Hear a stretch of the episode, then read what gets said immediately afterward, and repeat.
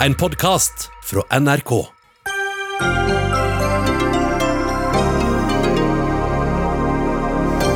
Forsvarssjefen ba om minimum 4000 nye stillinger i sitt minst ambisiøse scenario. I dag kom fasiten fra Forsvarsdepartementet. Det blir ikke flere enn 2500. Flest mulig bør laste ned smittesporingsappen, ber Erna Solberg. Hvorfor er den da utformet sånn at blinde ikke kan bruke den, spør Blindeforbundet. Utformingen av kontantstøtten er en tabbe, sier en økonomiprofessor. Han mener den straffer bedrifter som evner å finne på nye ting for å holde butikken gående. Og AUF vil presse Arbeiderpartiet, ber om at Norge tar imot minst 3500 mennesker fra Moria-leiren i Hellas. Hvorfor stemte de da for en annen politikk, spør Unge Venstre.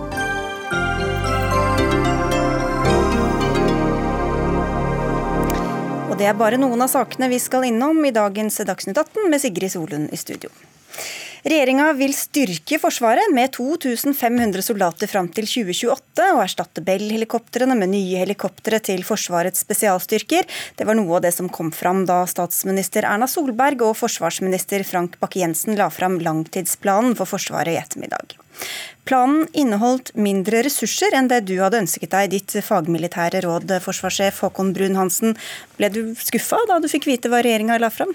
Nei, altså jeg bruker ikke sånne begrep. Jeg ble bedt om å legge frem flere skalerbare alternativ for regjeringen. Det gjorde jeg. Jeg ga tydelig hva som var min anbefaling og grunnlaget for det. Eh, men det er regjeringens prerogativ å velge ambisjonsnivå. Det har de gjort, og det er lavere enn det jeg anbefalte. Eh, men det er en, en anbefaling som er i balanse med det ambisjonsnivået regjeringen har lagt opp til. Men du hadde høyere ambisjoner enn det regjeringen har, da? Det er korrekt. Ja, For du la altså, som du sier, fram fire alternativer, A til D, hvor du e- egentlig selv ønsket deg da alternativ A, som var det høyeste ambisjonsnivået. Da vil Norge få et sterkt nok forsvar som kan beskytte Norge i en ustabil og urolig tid, sa du den gangen. Eh, så hva slags forsvar får vi nå med det regjeringa legger fram? Ja, Vi får fortsatt et godt forsvar. Vi får et styrket forsvar i forhold til det vi har i dag. Eh, men vi vil ikke kunne ta et større, eller det vil være svært vanskelig å ta en større ansvar i våre nærområder. Avhengigheten av Nato den vil være der hele tiden. Men den vil være omtrent på det nivået som vi kjenner fra i dag. Men Si litt mer om hvor det praktiske eh, gapet er mellom det du hadde ønska deg, og det vi faktisk får sånn som Nei, det ligger nå, da? Altså, jeg tror jeg vil forholde meg til, til, den løsningen som regjeringen har valgt. For det er jo veldig tett på et av de alternativene som jeg beskrev. Eh, og regjeringen har brukt tid på å sørge for at det er balanse mellom den ambisjonen, de oppgavene og de ressursene eh, som er lagt inn i denne langtidsplanen. Og så har jeg sagt tidligere i dag at jeg har to områder hvor jeg skulle ønsket meg noe mer for at det var bedre balanse enn det som ligger inne nå. Hvilke områder er det? Det første er på personellsiden. Vi eh, har blitt redusert på personellsiden gjennom mange år. Vi er på marginene nå. Vi trenger å styrke personellet i hele bredden av Forsvaret. Jeg skulle ønske at det kom litt mer, og litt hurtigere enn det regjeringen har lagt opp til. Og Det andre området jeg har gitt uttrykk for at jeg har en liten bekymring for, det er vi har luftvernbeskyttelse til våre flyplasser. Det skapes et inntrykk av at vi ikke har det, men det har vi. Men vi skulle hatt et bedre lagdelt luftvern. Eh, det er også kommer seinere enn jeg kunne ønske meg. Eh, hva, hva betyr det, lagdelt luftvern?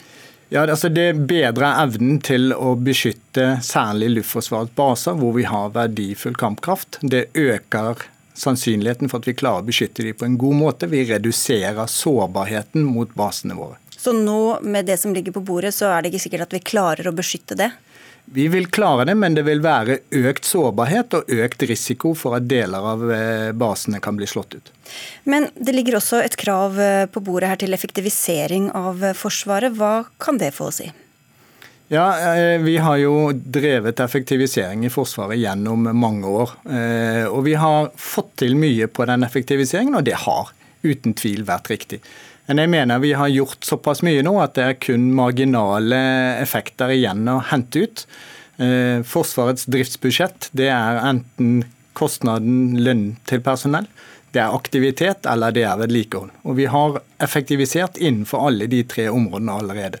Så jeg har en utfordring med å hente inn den gevinsten. Nå er ikke den spesifisert i langtidsplanen hvordan det skal gjøres.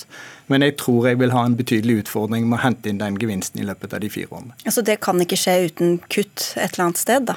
Ja, det skal jeg være forsiktig å si nå, men eh, at det blir utfordrende, det er jeg ganske sikker på. Men hva slags angrep er det egentlig vi ruster oss for med den planen som ligger nå?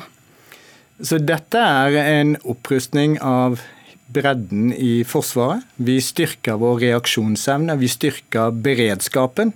Eh, noe som jeg har anbefalt i alle alternativ. Eh, vi styrker vår evne til å ta imot allierte forsterkninger. Det er også noe jeg anbefalte i alle alternativene. Og Til slutt så øker vi den landmilitære tilstedeværelsen i Nord-Norge, som er et av de viktigste kravene som Nato har stilt overfor Norge. Men Du sa at vi fortsatt er avhengig av, av Nato for å kunne forsvare oss, da? Det vil vi alltid være. Altså, Vår nabo i øst eh, er en stormakt til sammenligning med Norge, så alene så vil vi alltid bli for liten. Vi er avhengig av Nato-alliansen. Ja. Men hva er det vi Eh, altså hvor hadde du helst hadde sett du var inne på to områder, men helst hadde du sett en, en, en større styrkning da, enn det vi ser eh, med det som ligger her nå? da?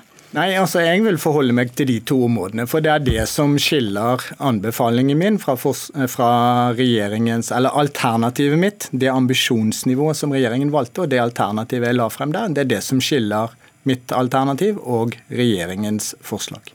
Du, så At de velger et annet ambisjonsnivå enn jeg anbefalte, det er politikernes prerogativ. Ja, og Det skal de få lov å forsvare og for så vidt også angripe nå, så du skal få slippe å gå i, debatt med dem. Tusen takk skal du ha for at du kom til Dagsnytt 18, forsvarssjef Håkon Brun-Hansen.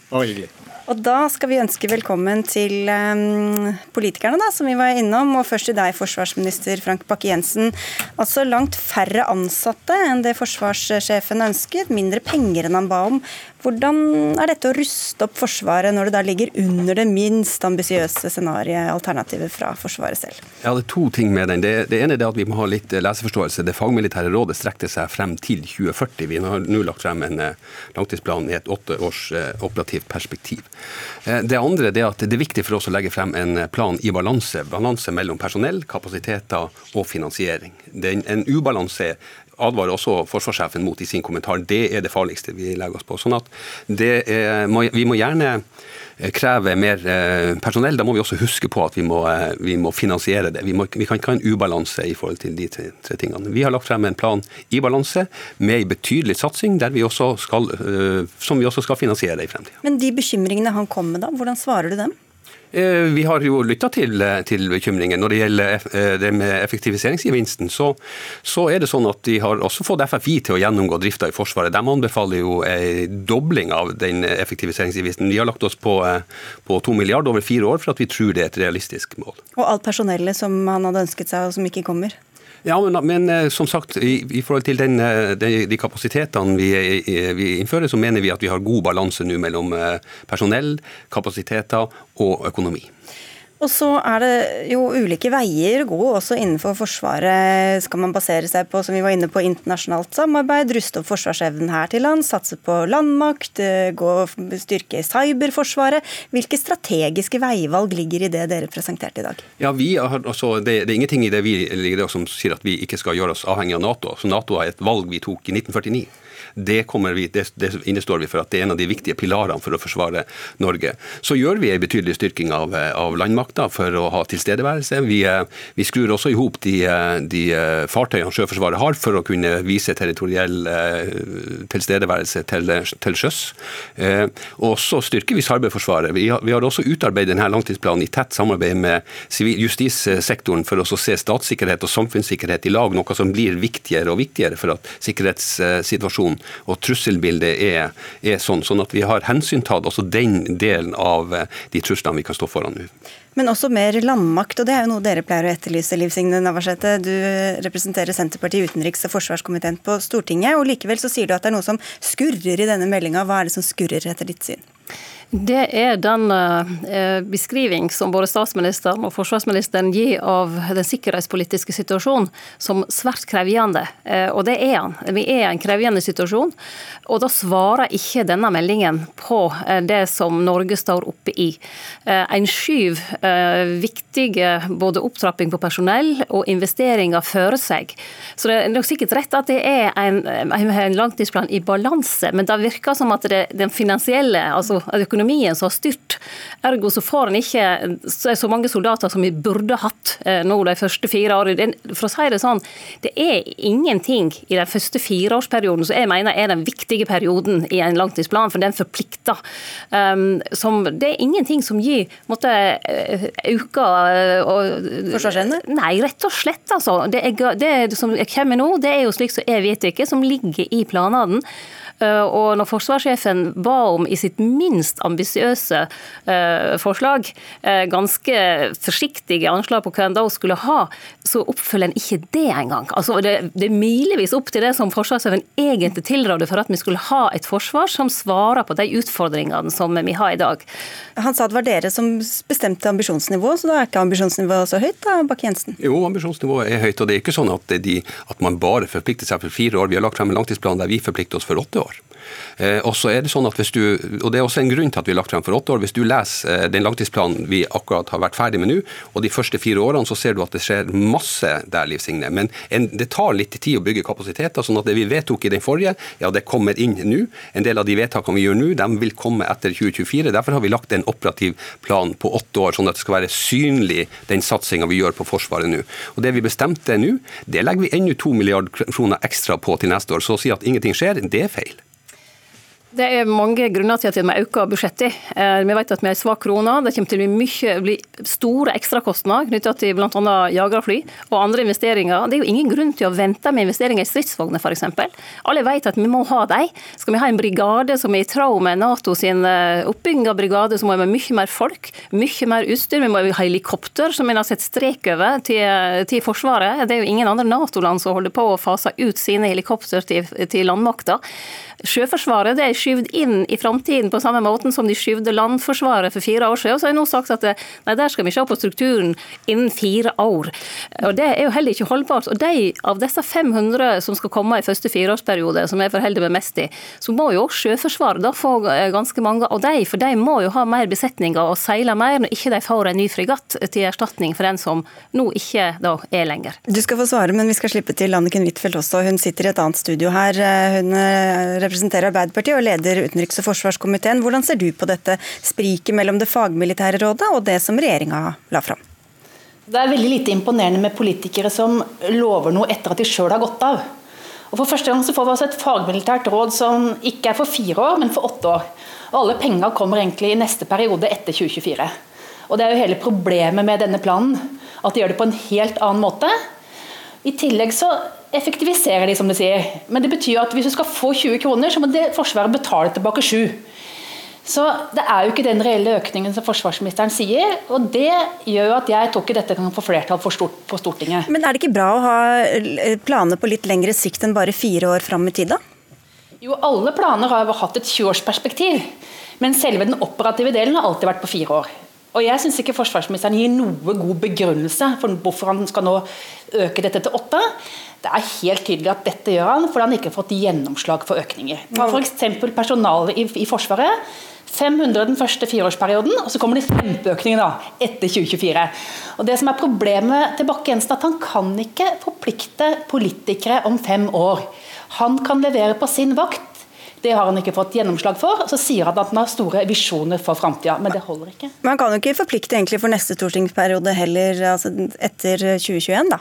Nei, men Han kan legge fram en plan som gjelder for fire år med en betydelig opptrapping. Her kommer alle løftene etter 2024. Nei, men det her er ikke riktig. For det første så er det ikke sånn at vi forplikter noen etter vår vakt. Vi har ikke planer om å gå av vakt. For det andre så, eh, så er det... Selv om ikke du planlegger for det, så kan det jo strengt tatt skje, da. Ja, Det er velgerne som bestemmer. Det skal vi ha stor respekt for. Men, men, eh, men vi legger oss en, en, operativ plan, så er det statsbudsjettet hvert år som bestemmer hvor mye penger vi har. Og da må, Hvis det er sånn at vi skal ha mer, så må dere også være villige til å finansiere det gjennom behandlingen i Stortinget og levere det på, på eh, statsbudsjettet. For balansen er kjempeviktig.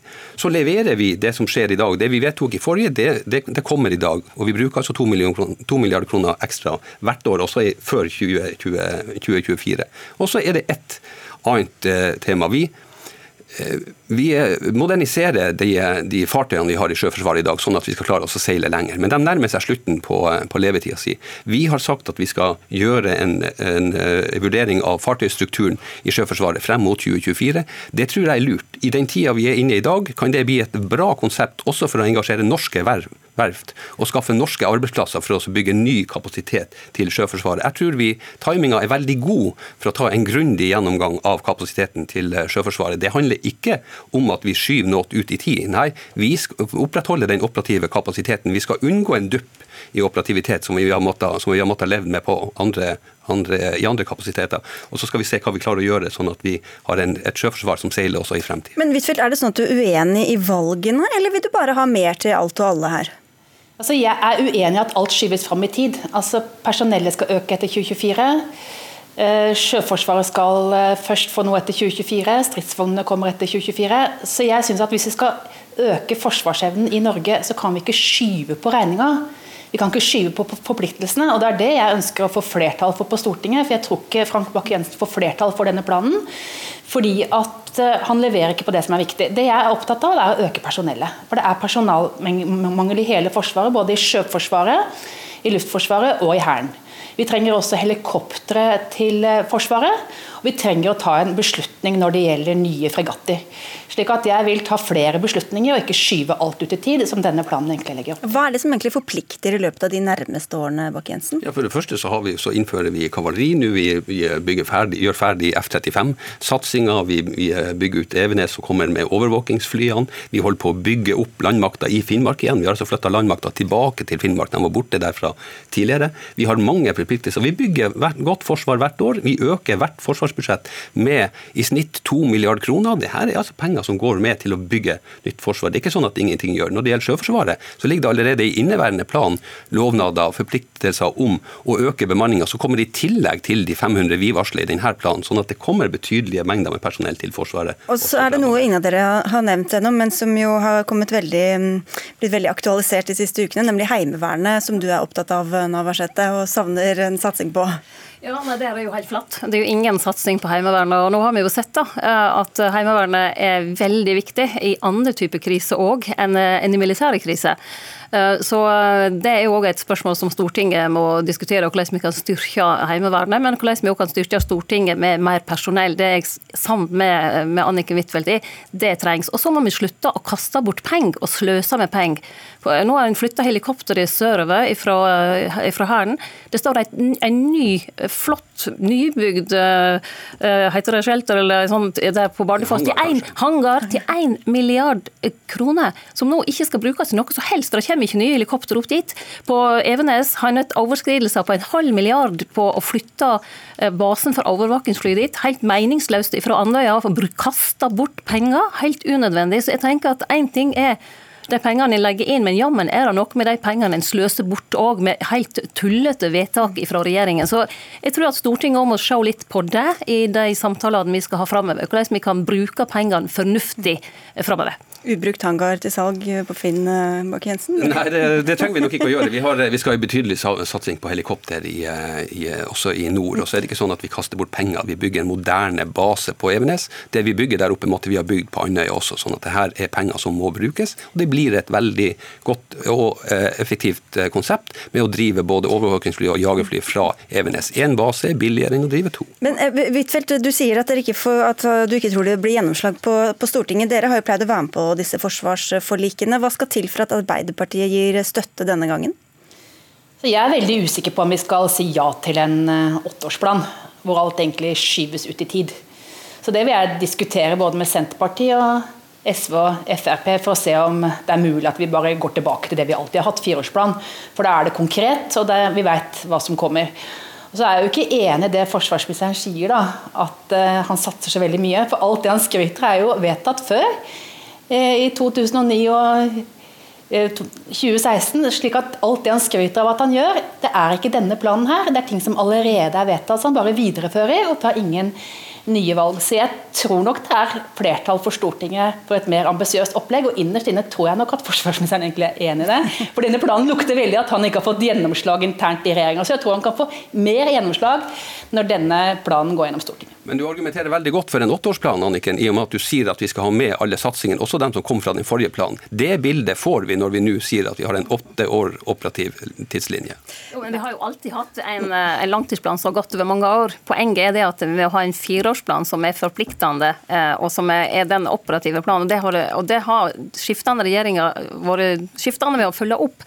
Men jeg har jo sittet og, og gjort det samme på samferdselsområdet. Og når det gjelder Nasjonal transportplan, så har vi akkurat samme systemet. Og der har vi hatt opptrappingsplaner. og Det har blitt fulgt faktisk til punkt og prikke i fire år. Og så kommer en ny plan, og sånn er det om med langtidsplanen. Det kommer en ny plan om fire år. Derfor er det de første fire årene nå som er viktige, og der er det dessverre flatt.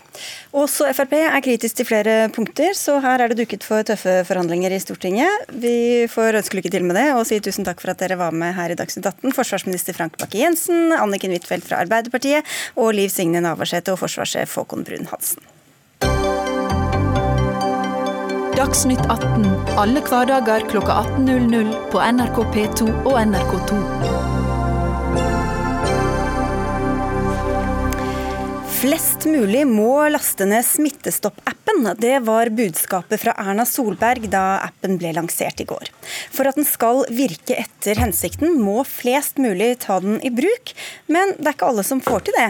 Ikke pga. tekniske problemer som mange opplevde, men fordi den ikke er universelt utformet. Forbundsleder i Blindeforbundet Terje André Olsen, hvilke problemer fikk dere høre om da folk prøvde å ta appen i bruk i går? Vi fikk høre at det var veldig vanskelig å taste inn kode. Eh, fordi feltene var utformet på en sånn måte at eh, de som bruker denne appen med mobiltelefoner og tale, som veldig mange blinde og svaksynte gjør, eh, de, de, de, får ikke høre hvor det er felt, og de får ikke høre hva de trykker. Så det er vanskelig å sjekke at man trykker riktig kode. Og Hva synes dere da om at dette ikke er tatt hensyn til i den første varianten av denne appen? Jeg synes det er trist at det ikke er tatt hensyn i denne appen tidlig nok, fordi at vi vet at universell utforming. Skal det funke, så må du ta det fra starten av. Det er liksom en, som grunnmuren i huset. Hvis du skal bygge den etter du har bygd huset, så blir det ganske vanskelig. Vi har snakket med Simula, som har utviklet appen, men de viser til dere i Folkehelseinstituttet, hvor du er fungerende assisterende direktør Gunn Peggy Strømstad Knutsen. Hvorfor lanserer dere en app som mange ikke kan bruke? Ja, For det første så må jeg si at jeg er helt enig i at dette burde vært på plass. Eh, og for det andre så må jeg også si at eh, dette vil vi absolutt jobbe for å få inn i neste versjon. Eh, grunnen til at vi ikke har det med i første versjon, er tidspress. Vi har gjort denne appen veldig, veldig enkel. Det er lite funksjonalitet i den. Det er sikkert en dårlig begrunnelse, men det er, det er den begrunnelsen vi har. Men her inviteres jo alle til å være med i en eh, smittedugnad.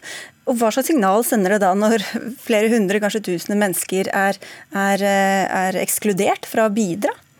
Nei, ja, igjen så må vi bare legge oss flate og si at uh, vi ser at det er uheldig. Uh, og vi begynner allerede på mandag med den listen over ting som vi ønsker å få inn i neste versjon, og da står dette veldig, veldig høyt.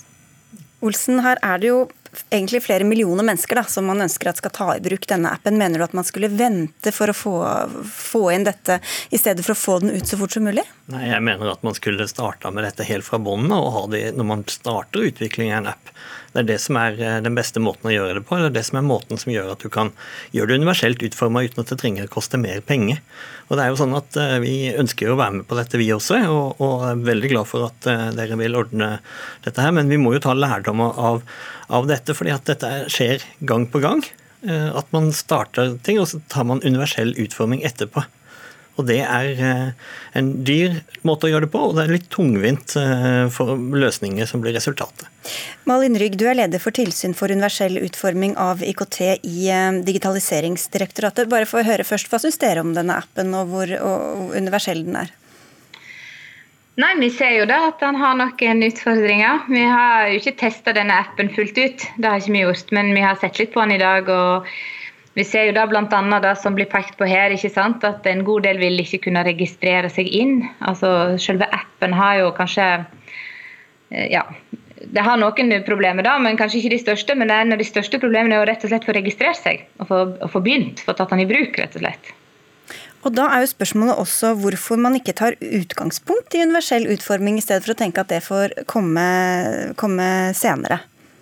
Igjen så er da dessverre den beste forklaringen min er tidspresset. Jo, men Hvis man begynner med å tenke universell utforming, så er det vel ikke nødvendigvis tidspress? For da, da, da er man jo der fra starten av.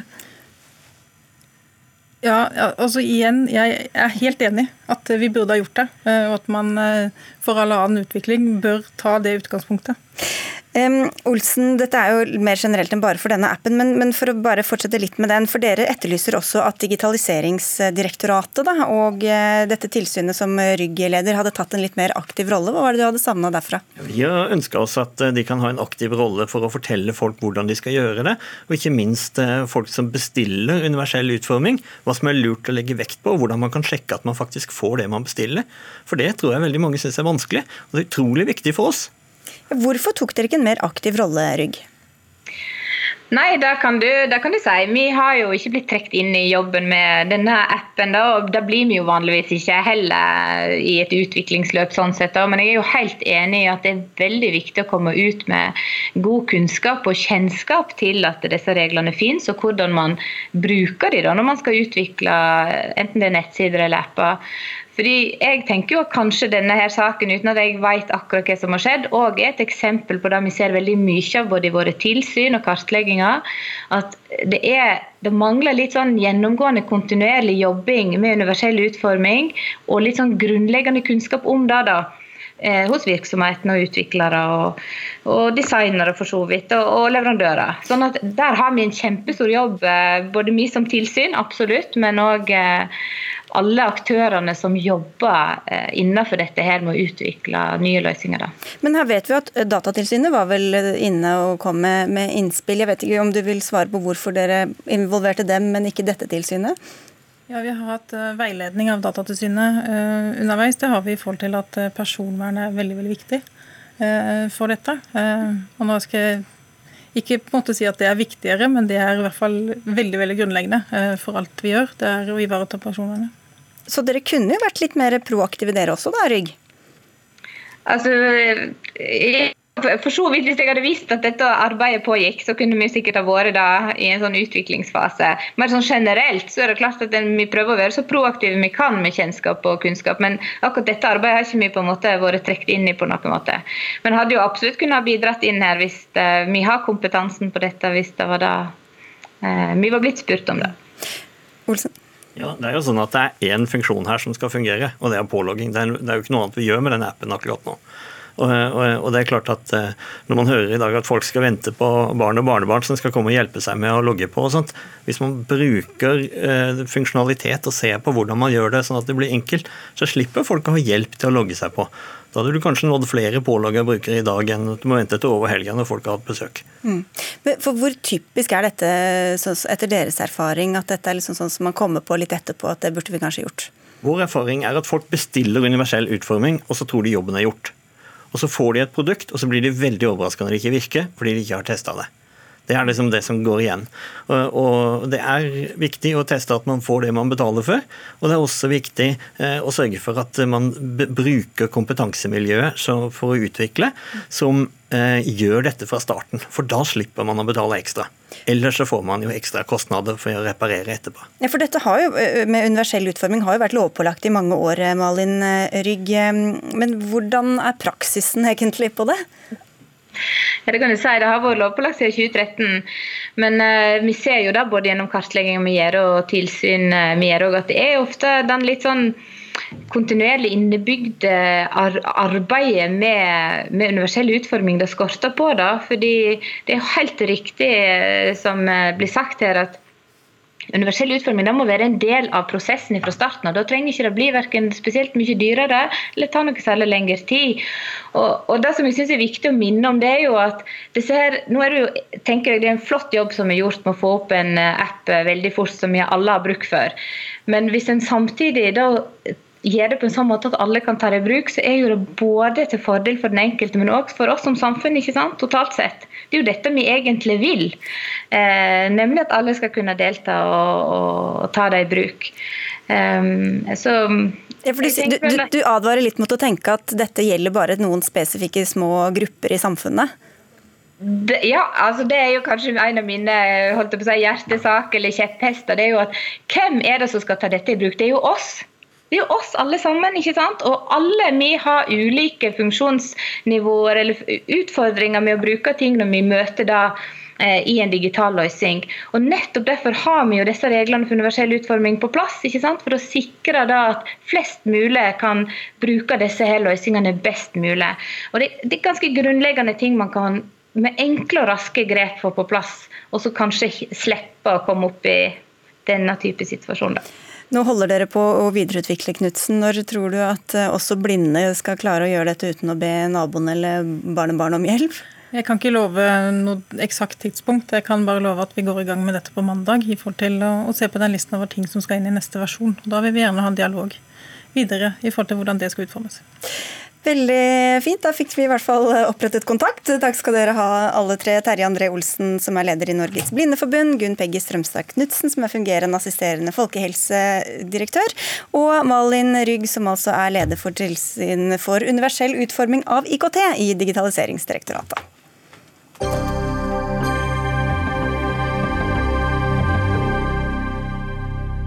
Vi har fått færre fylker, men skal fortsatt stemme inn stortingsrepresentanter fra de gamle fylkene. Hvor er logikken i det, spør vi snart her i Dagsnytt 18. For bare få minutter siden kom en nyhetsmelding om at ESA godkjenner denne kompensasjonen som norske bedrifter skal få. Det norske bedrifter har ventet på for at eh, portalen skal åpne, hvor de kan søke om kontantstøtte til bedriftene sine under koronakrisa. Og nå som det er i boks, skal altså de næringsdrivende, enten de driver butikk eller er tannleger, kunne få støtte til opptil 80% av husleia og andre faste utgifter. Men ordninga premierer de som ikke gjør en ekstra innsats og får det til, skriver du og en kollega i nettavisen Nidaros. Ragnar Torvik, du er professor i økonomi ved NTNU. Og da påpeker dere det dere mener er en tabbe ved denne ordninga, og hva er den tabben? Ja, det er riktig det. Altså, Hovedsaken er jo at eh, ordninga er både viktig og riktig, og eh, det er bra at den kommer i gang. Det er jo mange nå som rammes, både bedrifter og arbeidstakere. Eh, men det som er ett problem med den ordninga, er jo det at eh, man stimulerer bedrifter til ikke å gjøre så godt de kan, egentlig. Fordi at Det er bare om du sørger for at omsetninga di går ned nok, at du kvalifiserer til støtte. F.eks. hvis det er sånn at omsetninga di går ned i april eller i mai med 29% da får du ingen støtte. Men går omsetninga di ned med 31% da kan du få ganske mye støtte. Og Det betyr altså at eh, det blir eh, veldig dyrt for en del bedrifter å holde omsetninga opp. Det straffer seg å være flink, det straffer seg å finne på noe nytt. Eh, man får et insentiv til å redusere omsetninga og sette folk på porten. Og Det er jo akkurat det motsatte som vi trenger nå i den fasen vi står i. Det er jo viktigere enn noen gang Mm. At vi premierer omstillingsdyktighet, kreativitet og det å holde omsetninga opp og folk i arbeid. Ja, hvor er logikken i dette, Mudassar Kapur? Du er finanspolitisk talsperson i Høyre. Logikken er veldig enkel. Her er det snakk om tusenvis av bedrifter som risikerer å gå konkurs. Og enda flere tusen mennesker som risikerer å ikke ha en jobb å komme tilbake til.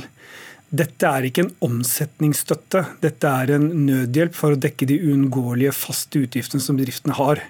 Dette handler heller ikke om videosjappa som i konkurs fordi de ikke så strømmetjenestene komme. Dette handler om bedrifter som har blitt stengt på timen, eller timene etter at vi innførte en del eh, restriktive tiltak pga. smittevern. Og andre bedrifter som også bærer preg av de. Så, Men man kunne jo hatt forskjellige innretninger eh, hvor man ikke hadde denne grensa her, f.eks.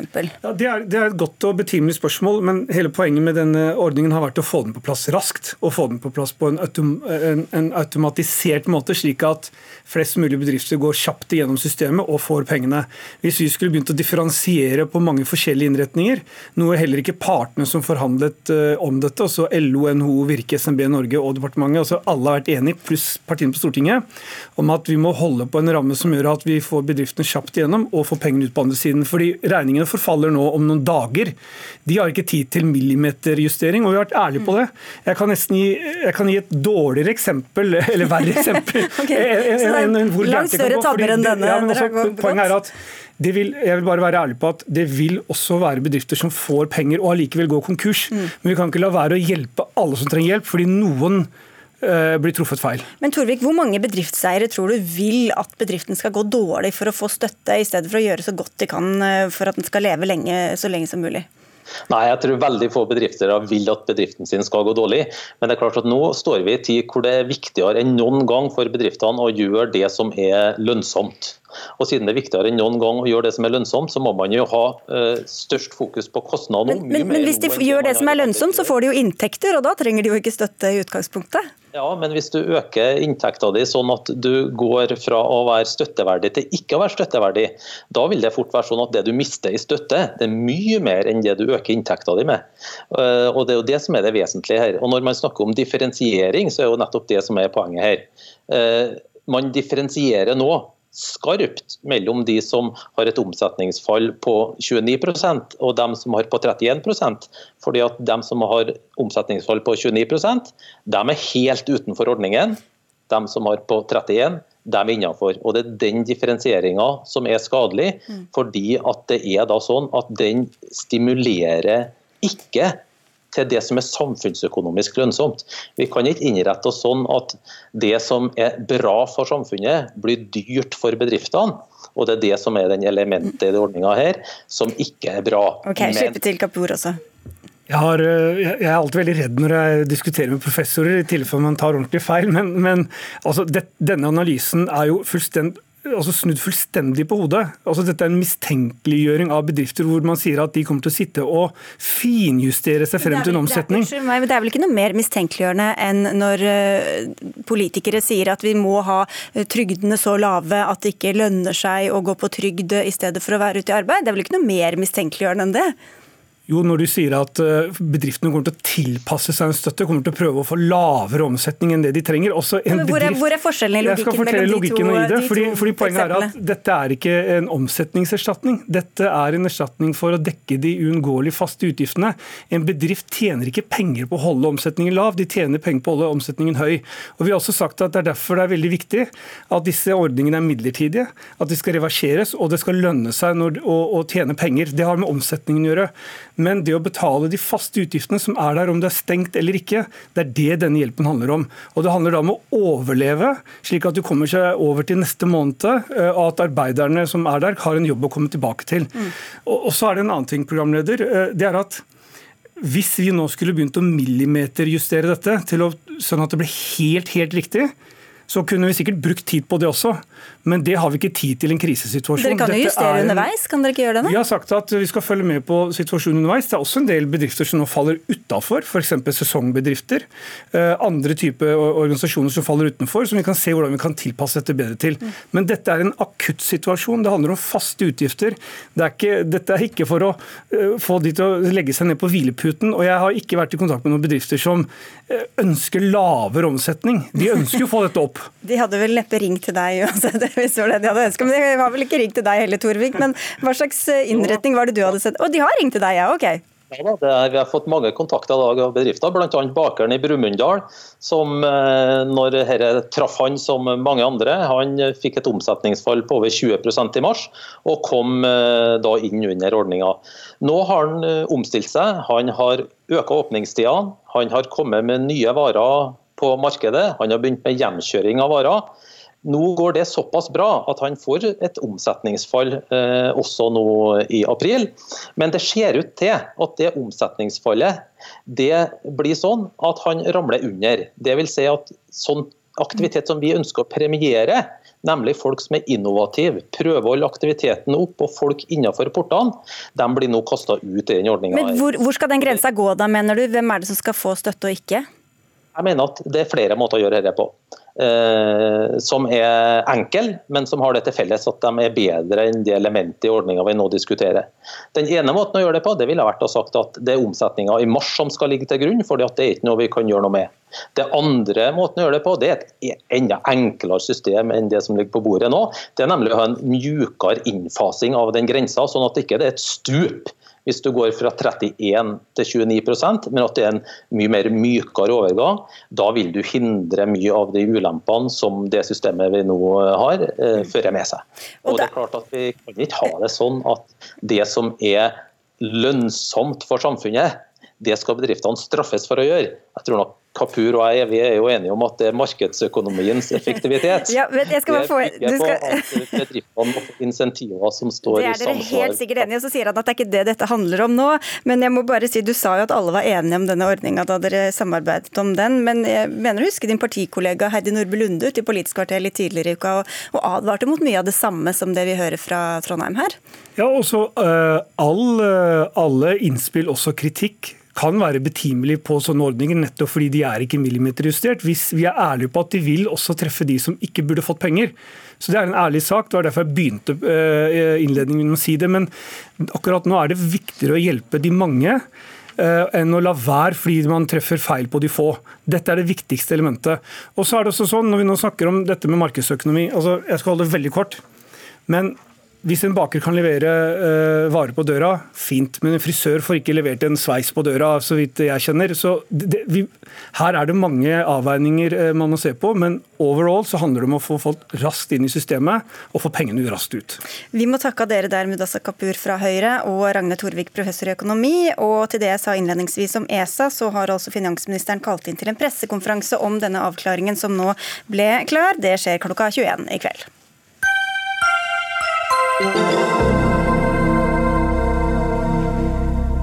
Fra januar gikk vi ha fra å ha 19 fylker i Norge til å ha 11 som et resultat av regionreformen. Men når du skal stemme i stortingsvalget neste år, da er det de gamle fylkene som gjelder. Det er nemlig fortsatt de som er valgkretsene, og sånn vil dere fortsatt ha det, Trygve Slagsvold Vedum, leder i Senterpartiet. Men hva er logikken i å beholde de gamle valgkretsene når fylkene nå er blitt noen andre?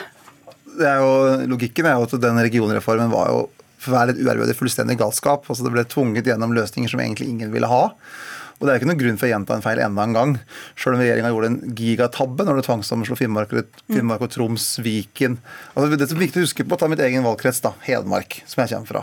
Hvis vi, når vi er slått sammen med Oppland med tvang, eh, så er den valgkretsen da 20% større enn Danmark. Og som stortingsrepresentant så er det viktig at du kjenner folk, du kjenner fylket ditt, at du representerer de som faktisk har stemt på deg. Og med de enorme regionene som det nå har blitt uh, det blitt tvunget gjennom, bl.a. av Venstre og Høyre og Frp. Så hadde, Hvis vi hadde fått tilsvarende stortingsvalgkretser, så hadde jeg som stortingsrepresentant gjort en mye dårligere jobb. Vi hadde vært eh, lenger fra folk. og det er Mine oppdragsgivere er de som har stemt meg inn på Stortinget. Og det er sånn for alle andre stortingsrepresentanter også. Men Det var jo et, et, angrep på regionreformen, da. Men til dette med at man skal ha to forskjellige nivåer og stemme inn fra et fylke som egentlig ikke finnes lenger. Ja, det, det, høres litt forvirrende ut. Ja, men det viser, jo hvor, altså det viser jo galskapen i regionreformen. For det var ikke noen gode utredninger. Den er nå en gang her, da. Så. Jo, men det er dessverre sånn det har blitt. Det skal vi gjøre noe med i 2021 hvis eh, folket gir oss makta til det. Og så er det veldig bra at det nå blir et flertall som sier at den type inndeling kan vi ikke ha på stortingsvalgkretser, for vi trenger nærheten til folk. Og, og det er jo det som er egentlig hovedbegrunnelsen. At man ønsker å ha representasjon fra alle deler av landet, så at man ser alle deler av landet, ser by og bygd. Og at man får et bredest mulig sammensatt storting som har en god forankring i folk. Og det er kvaliteten i det norske folkestyret. At det er nært folk, ikke fjernt fra folk. Venstre ønsker derimot å endre valgloven. og Sondre Hansmark, leder i Unge Venstre, du har til og med skrevet en bacheloroppgave om eh, dette. Men hvorfor må valgkretser og fylke harmonere, egentlig? Sånn har det jo vært i over 70 år, og det har fungert på en veldig fin måte. Og Det er jo hakk i platen fra Senterpartiet når vi nok en gang hører de gå til frontalangrep mot regionreformen, som jo handler om å skubbe mer makt nærmere lokale folkevalgte og de som har skoen på, kjenner hvor den trykker.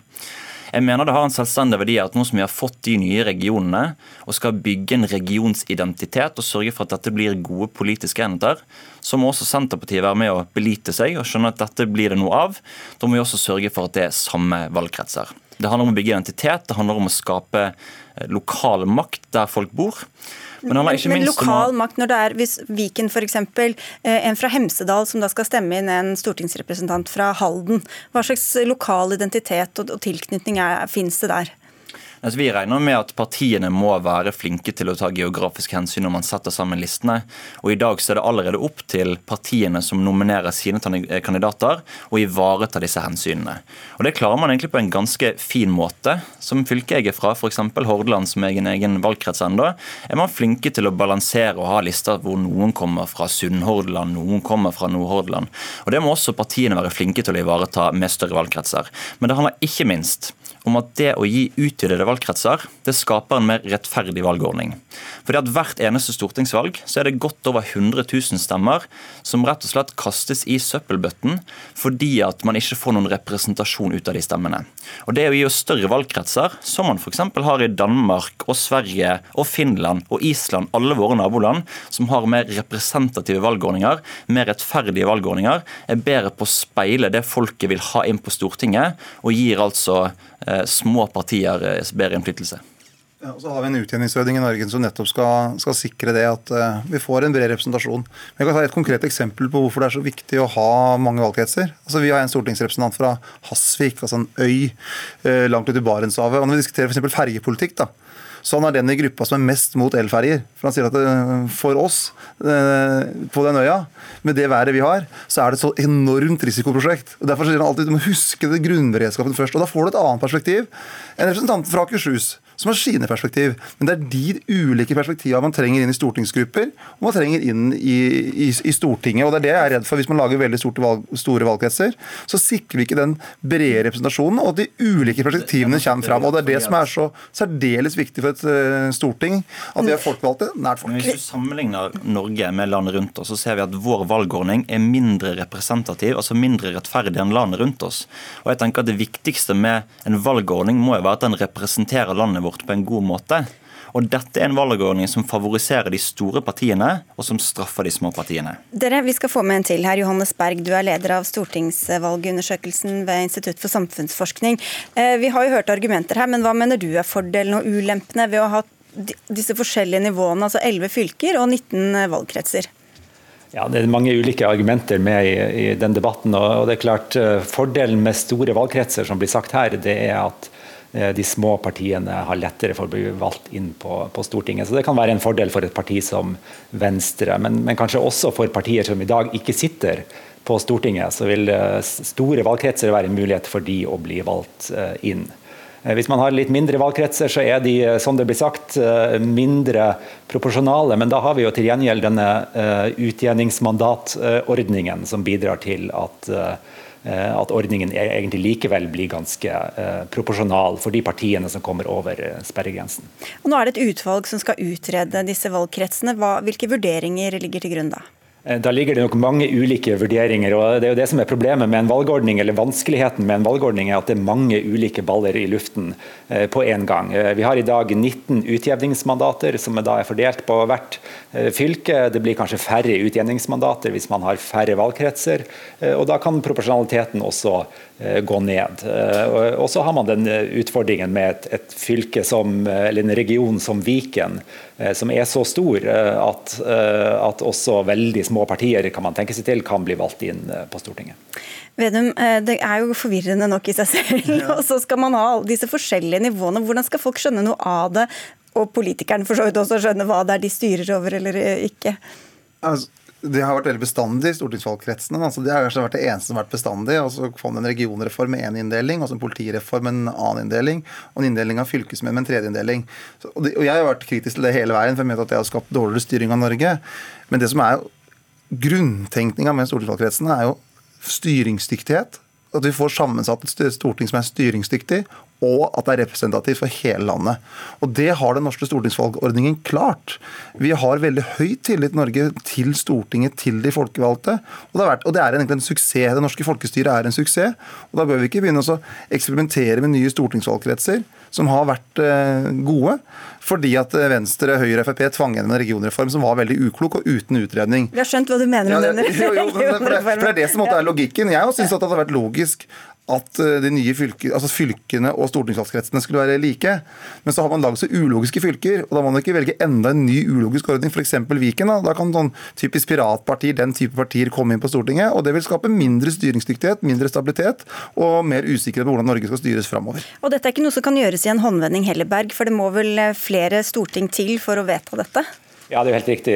En del, disse, en del av valgloven ligger faktisk i Grunnloven. og Det betyr at man må ha en grunnlovsendring, eh, to tredjedels flertall på Stortinget ved to påfølgende storting. Så, så det må være et bredt flertall Eh, på Stortinget for å, å vedta sånne ting. Og, og, Utfordringen selvsagt, eh, som nok også valglovutvalget har tenkt på, er at denne regionreformen er såpass kontroversiell eh, at hvis man linker da en valgordning til den ordningen, og det blir endringer lenger frem i tid, så, så, kan man også få problemer da. Så, så det er nok litt av argumentene for at man har valgt denne Eh, eller at flertallet da tydeligvis har valgt en ordning med 19 kretser. Ja, For da kan jo fylkeskartet endre seg helt igjen, eh, Hansmark, om åtte år, da. Mm.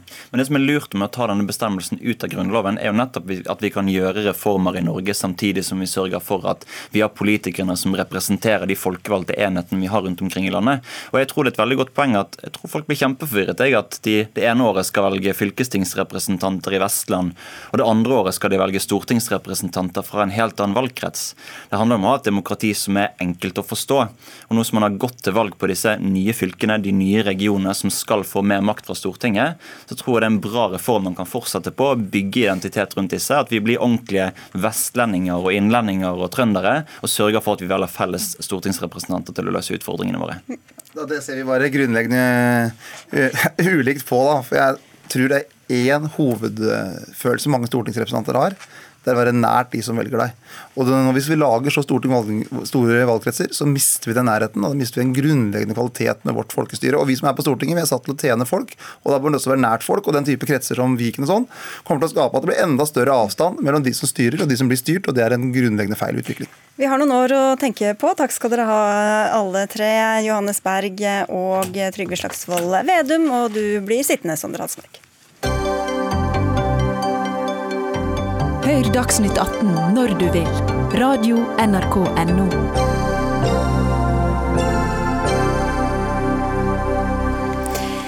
AUF ber Norge å ta imot 3500 mennesker fra Moria-leiren i Hellas. Med det ønsker de å sende et tydelig signal til moderpartiet, som ikke ønsker å hente ut asylsøkere fra Moria.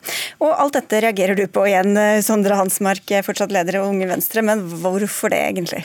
Jeg tror de må skrike litt høyere. Og vi deler nok engasjementet for at man skal hente disse barna ut av Moria-leirene. Det er en leir som er bygget for 3000 flyktninger, men hvor det akkurat nå oppholder seg 20 000 i ganske kummerlige kår, og det haster med å evakuere dem. Men det er litt spesielt når AUF på en eller annen måte skal være sjokkert og overrasket over at Arbeiderpartiet ikke har lyst til å hente ut disse barna. Fordi at For oss som ikke er med i AUF, så var det ingen overraskelse. Jeg husker tilbake til 2012, eh, da Jens Stoltenberg ville sende ut 450 asylbarn fra Norge. Det bare til og med Frp Eh, om å revurdere. Jeg husker da Arbeiderpartiet innførte midlertidig opphold for barn som kom til Norge, at de måtte sitte i to år i mottak for å bli sendt ut på 18-årsdagen. Okay, du syns ikke Arbeiderpartiets asylpolitikk er noe å skryte av? Men jeg er ikke så veldig overrasket. det poenget, og Det er rart å se at AUF er det, fordi at de har vært et parti som har vært garantisten for en streng innvandringspolitikk i Norge. Sist de satt i regjering, så gjorde de store innstramninger, og ingenting ville vært bedre om AUF fikk Arbeiderpartiet til å snu på dette, men det er ingenting som tyder på at de kommer til å Du er enig med dem i sak, du håper AUF får gjennomslag, men du bare syns det er teit at de sier fra? Jeg syns det er teit at de driver valgkamp for et parti som går til valg på å innstramme norsk asylpolitikk. Og det så man også at AUF var med på forrige landsmøte i Arbeiderpartiet. Gikk med på storstilte innstramninger i asylpolitikken. Tak på innvandring, strengere ID-krav for opphold, skille mellom A- og B-flyktninger. Innstrammingslisten var lang. Og da syns jeg det er spesielt at man har et ungdomsparti som egentlig har en ganske god asylpolitikk, men som driver valgkamp for et parti som har lyst til å stramme inn. Hoda Ima, du er eh, sentralstyremedlem i eh, AUF. Hvorfor stemte dere for eh, alle disse punktene for Arbeiderpartiets asylpolitikk i fjor, hvis dere egentlig ikke var enige med den? Jeg skal være kjempeærlig på det. Jeg har fremdeles til gode enten å høre om et, eller være på et årsmøte på lokalt nivå, eller et landsmøte på nasjonalt nivå, hvor da AUF-ere ikke går opp på talerstolen, eller er på forhandlingsrommet og kjemper for en mer solidarisk og human asyl- og flyktningpolitikk. Det gjaldt også det landsmøtet som Sondre også nevner nå. Jeg var på landsmøtet sjøl, vi satt også bak forhandlingsrommet, og der fikk fikk AUF gjennomslag for det vi ønska å få gjennomslag for.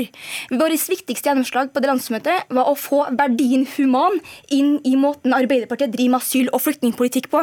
Og Det høres ut som en liten greier, men det var en kjempestor AUF-gjennomslag. Det var det første. Det andre vi fikk gjennomslag for 5 milliarder kroner årlig til en større solidarisk pott, som da eh, EU-landene og europeiske land skulle, eh, skulle bruke for å få en eh, bedre asylpolitikk i Europa. Men det viktigste hvis jeg bare kan si det, den viktigste gjennomslagen som AUF fikk på landsmøtet, som jeg mener også spesielt viktig i Moria-saken, og som ikke er fordi at AUF er overraska, men som var at Arbeiderpartiet stadfesta svart på hvitt at kvinner og barns beste skulle være viktige hensyn å ta når man skulle føre asyl- og innvandringspolitikk. Og Derfor så mener vi i AUF nå at når Arbeiderpartiet ikke på landsmøteprogrammet og sier barns hensyn må tas også i Moria, så reagerer AUF på det. Ja, men, men når dere har fått gjennom dette, hvordan har det gjenspeilt seg i Arbeiderpartiets politikk nå, da, mener du? Altså blant annet så har det vært noe med Moria-saken. Der er Jonas Gahr Støre sagt senest i dag at dersom regjeringa kommer med en løsning på å hente inn, hente inn barn til Norge fra Moria, så kommer Arbeiderpartiet til å støtte det.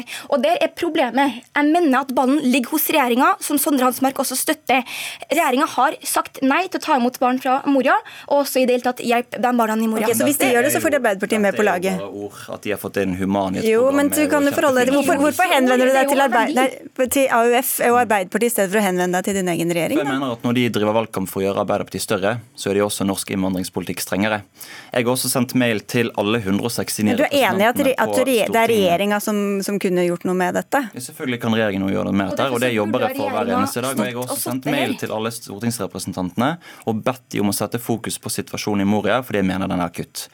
Men det holder altså ikke å få noen fine ord inn i et program. Og Den store forskjellen på Arbeiderpartiet og Fremskrittspartiet sin flyktningpolitikk er jo at Frp ber flyktninger dra seg ut av landet, mens Arbeiderpartiet ber de vennligst dra seg ut av landet. Altså, Den store altså, forskjellen er ikke, den forskjellen er ikke så veldig stor. Men- men du er enig. Dere går inn på et tak på flyktninger, skille mellom A- og B-flyktninger. Altså, Dette er også Fremskrittspartiet. Men- men- når du sier- også Venstre samme gjennom plattformen deres. Men, men når du sier at dere fikk inn ordet human, det kan jo egentlig fylles med hva som helst. Så hvordan, hva, gjør det med den praktiske politikken? Når da Sondre sier at eh, AUF eh, bruker jo begrepet dørmatte. Og jeg mener at det er helt feil, for Vi fikk gjennomslag for de tingene vi ønska å få gjennomslag på det landsmøtet, men det viktigste var å sette barns hensyn fremst. Og Derfor så mener jeg at Arbeiderpartiet og Høyre, som da sitter i regjering, som har statsministeren, burde ha tatt hensyn til barns beste. Ja, Dere er enige i sak, men, men, men hva hjelper det at dere altså, Hvis man er enig med deres asylpolitikk, hva har det hjulpet overfor hvilken asylpolitikk Arbeiderpartiet fører i denne Altså, saken? Altså, AUF er den desidert største ungdomsorganisasjonen i hele Norge. Når da AUF går inn for noen saker og kjemper det innad i Arbeiderpartiet, så blir det norsk politikk. Når Unge Venstre gjør det, ja, så får man dessverre ikke norsk politikk av den grunn. Og jeg bare mener at det burde, det burde Nei, men Sondre, det burde ha vært det burde ha vært noen fra Unge Høyre Ja, det burde ha vært noen fra Unge Høyre som hadde sittet på min plass. Jeg takker for invitasjonen, men Unge Høyre er jo grunnleggende uenig med Unge Venstre. Og begge ungdomspartiene har moderpartier i Moria-saken, men også i asyl- og Men Unge. Venstre er jo enig med sitt moderparti, og dere er jo ikke enig med deres moderparti. Det er jo det som er forskjellen. Men det er en helt fair sak, og den saken tar vi både internt og utad, akkurat som den dag i dag. Det er ikke veldig uvanlig at, at et ungdomsparti ikke får fullt gjennomslag i moderpartiet. Det har det vel Nei vært. da, men det er bare så mange saker AUF ikke får det på. Det er jo det man kan reagere på, hvorfor de fortsatt ønsker å drive valgkamp for dem. Men jeg er faktisk veldig fornøyd med de gjennomslagene som vi har fått i norsk politikk, og det viser hvorfor det hjelper å engasjere seg i Unge Venstre. Vi tar f.eks. imot tre ganger så mange kvoteflyktninger som da Arbeiderpartiet gjorde da dere satt i regjering. Vi sørger for at det er flere barn som får opphold i Norge. Barn i mottak for gratis barnehage. Det blir billigere å søke om familiegjenforening. Altså Listen over liberaliseringer som vi har gjort, er mange. Og jeg skjønner godt at Fremskrittspartiet hadde lyst til å forlate regjeringen når de så hvilke gjennomslag vi fikk. Da Norsk organisasjon for asylsøkere skulle vurdere asylpolitikken til de forskjellige partiene før stortingsvalget i 2017, så fikk dere terningkast to. Fordi Norsk organisasjon for asylsøkere mener at politikken til Arbeiderpartiet er på kant med internasjonale flyktningkonvensjoner. Og Det er det partiet som du driver valgkamp på. Jeg kan godt være med på å innrømme at Venstre ikke får nok gjennomslag i asylpolitikken. Men jeg driver i hvert fall valgkamp for, for riktig gjeng, som sørger for at flere Ivan, barn skal få opphold i Norge. Hvilket parti er du mest enig i i flyktning- og asylpolitikken? Av Venstre og Arbeiderpartiet? Jeg er mest enig med Arbeiderpartiets generelle politikk, men også flyktningpolitikk. Det mener jeg virkelig. Jeg mener også at Når da også Jonas Gahr Støre og Arbeiderpartiet sier at man må se på hele flyktningpolitikken i sin helhet, jeg er helt enig i det. Men det som vi burde ha diskutert akkurat nå, er jo saken i Moria.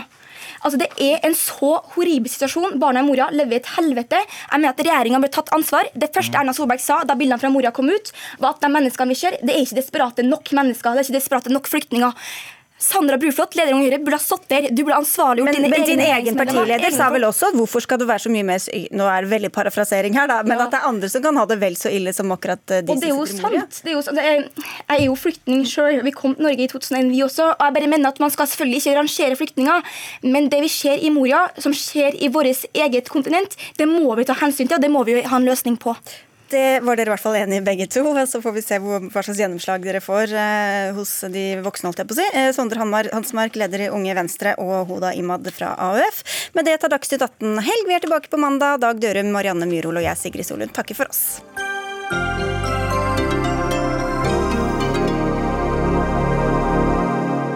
Du har hørt en podkast fra NRK. Hør flere podkaster og din favorittkanal i appen NRK Radio.